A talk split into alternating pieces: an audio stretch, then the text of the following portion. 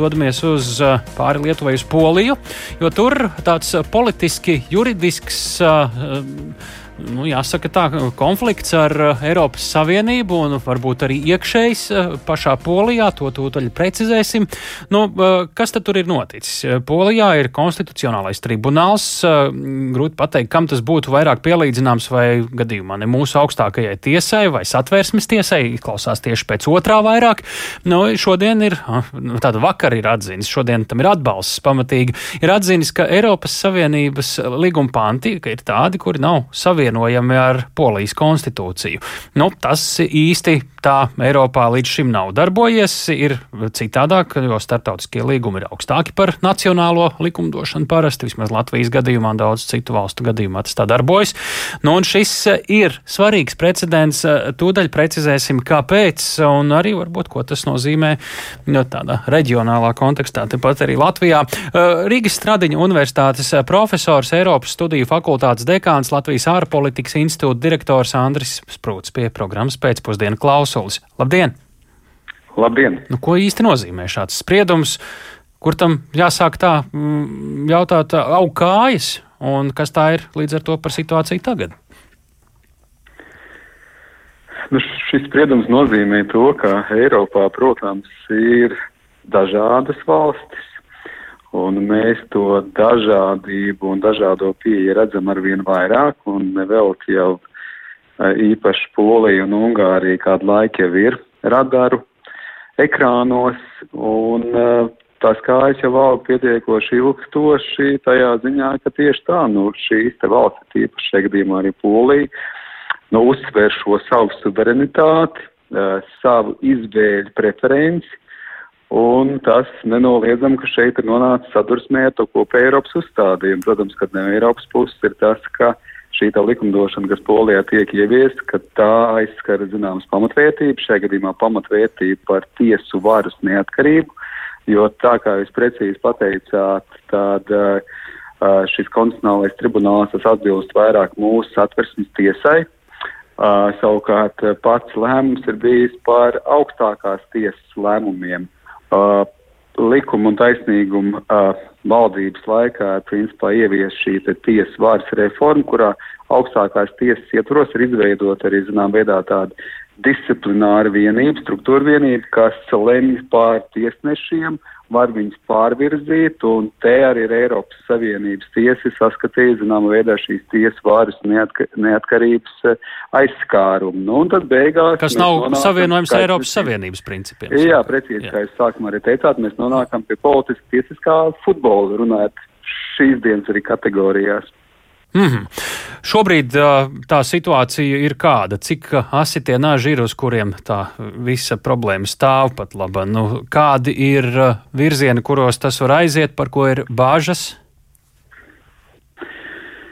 Nu, Polija, varbūt atšķirībā no Latvijas, ilgstoši ir bijusi tādās analoģijās čemodāns bez roktura. Liels čemodāns, liels koferis bez roktura nav vienkārši. Ar lielu valsts, kur ir pašapzinīga, uh, kurai tā viņas suverenitātes izjūta un vēlme to suverenitāti pasvītrot ir bijis viena no tādām politiskajām ar iekšējām nu, nepieciešamībām.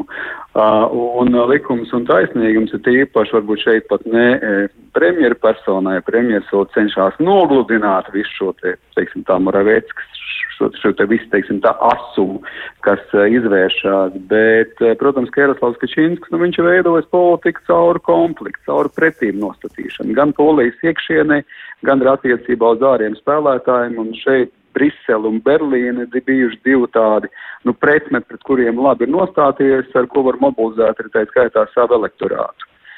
Uh, jo to te ir absolūti tāda politiskā vadlīnija, kas iet cauri. Asumi ir, jo no Eiropas Savienības puses nu, mēs redzam, ka šeit ir jau ļoti asa paziņojumi no Francijas par to, ka ir pieteikts faktiski, zinām, veidā pat karš deklarēts Eiropas Savienības pamatvērtībām.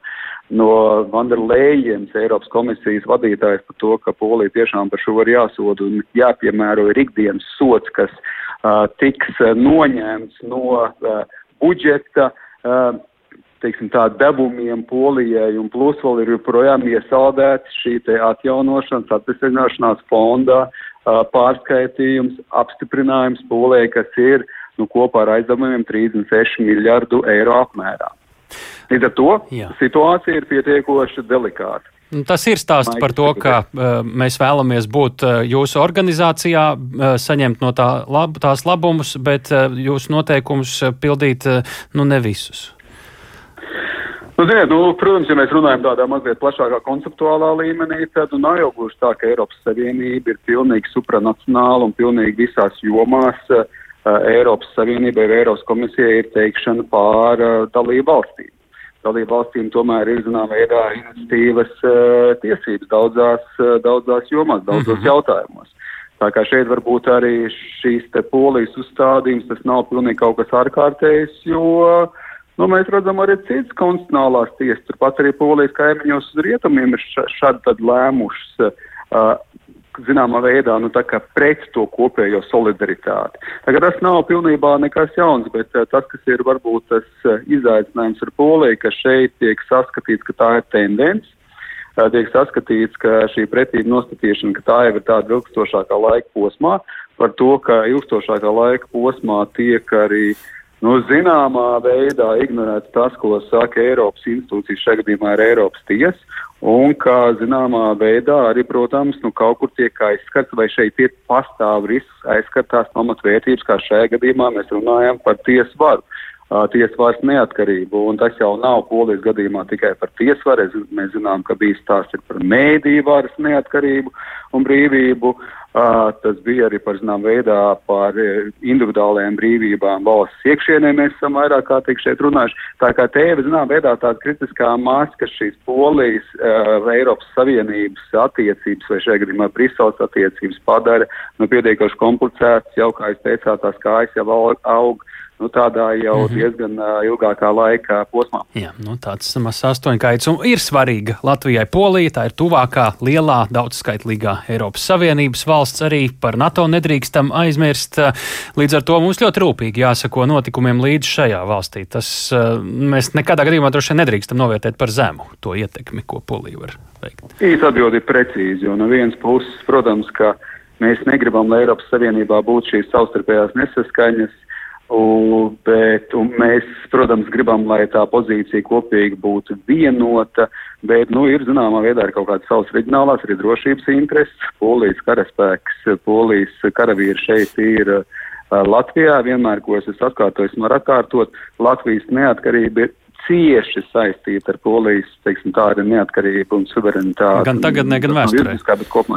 Tā kā strateģiski absolūti šeit mēs ar poliju esam ļoti strateģiski tieši saistīti. Un tāpēc mēs esam daļai tādā dilemmas situācijā. No vienas puses atbalstot Eiropas kopējo pozīciju un Eiropas normas mm -hmm. un Eiropas nostāju, bet arī nenoliedzam, ka divpusēji mums Polija ir ļoti svarīgs partners.